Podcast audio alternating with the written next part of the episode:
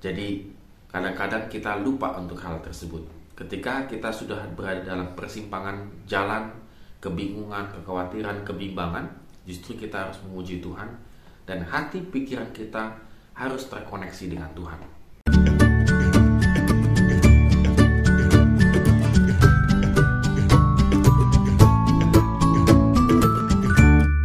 Shalom good readers, apa kabar? Kiranya Tuhan selalu menyertai kita dan kita diberikan kemampuan kesehatan dan juga uh, semangat ya untuk melalui hidup ini.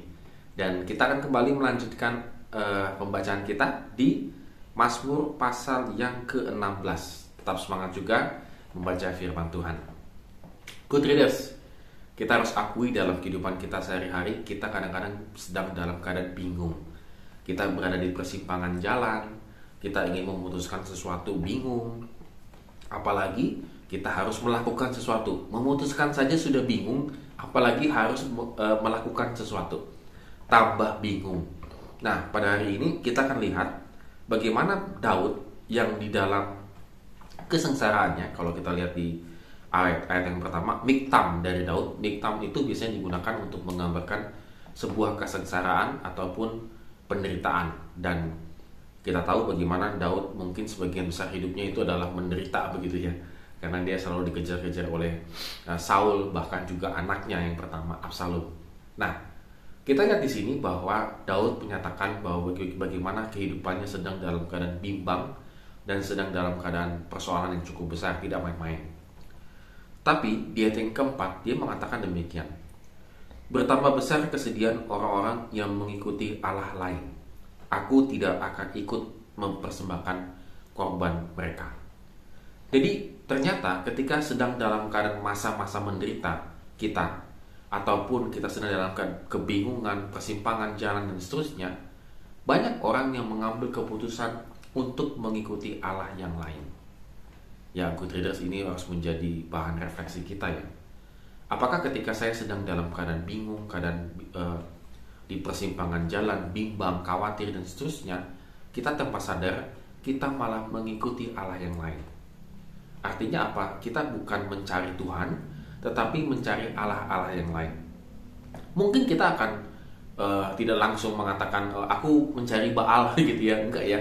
Tetapi tanpa kita sadari, kita mencari solusi-solusi yang tidak terkoneksi dengan Tuhan. Bahkan kita mengambil keputusan-keputusan yang tidak terkoneksi dengan Tuhan.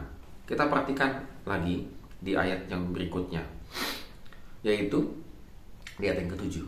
Aku memuji Tuhan yang telah memberi nasihat kepadaku, yang pada waktu malam malam pada waktu malam hati nuraniku mengajari aku. Ternyata Daud mengambil keputusan tetap memuji dan memuliakan nama Tuhan. Artinya dia tidak mengikuti orang-orang lain, mencari Allah-Allah yang lain yang katanya bisa memberikan solusi, tetapi Daud tetap memilih untuk memuji Tuhan.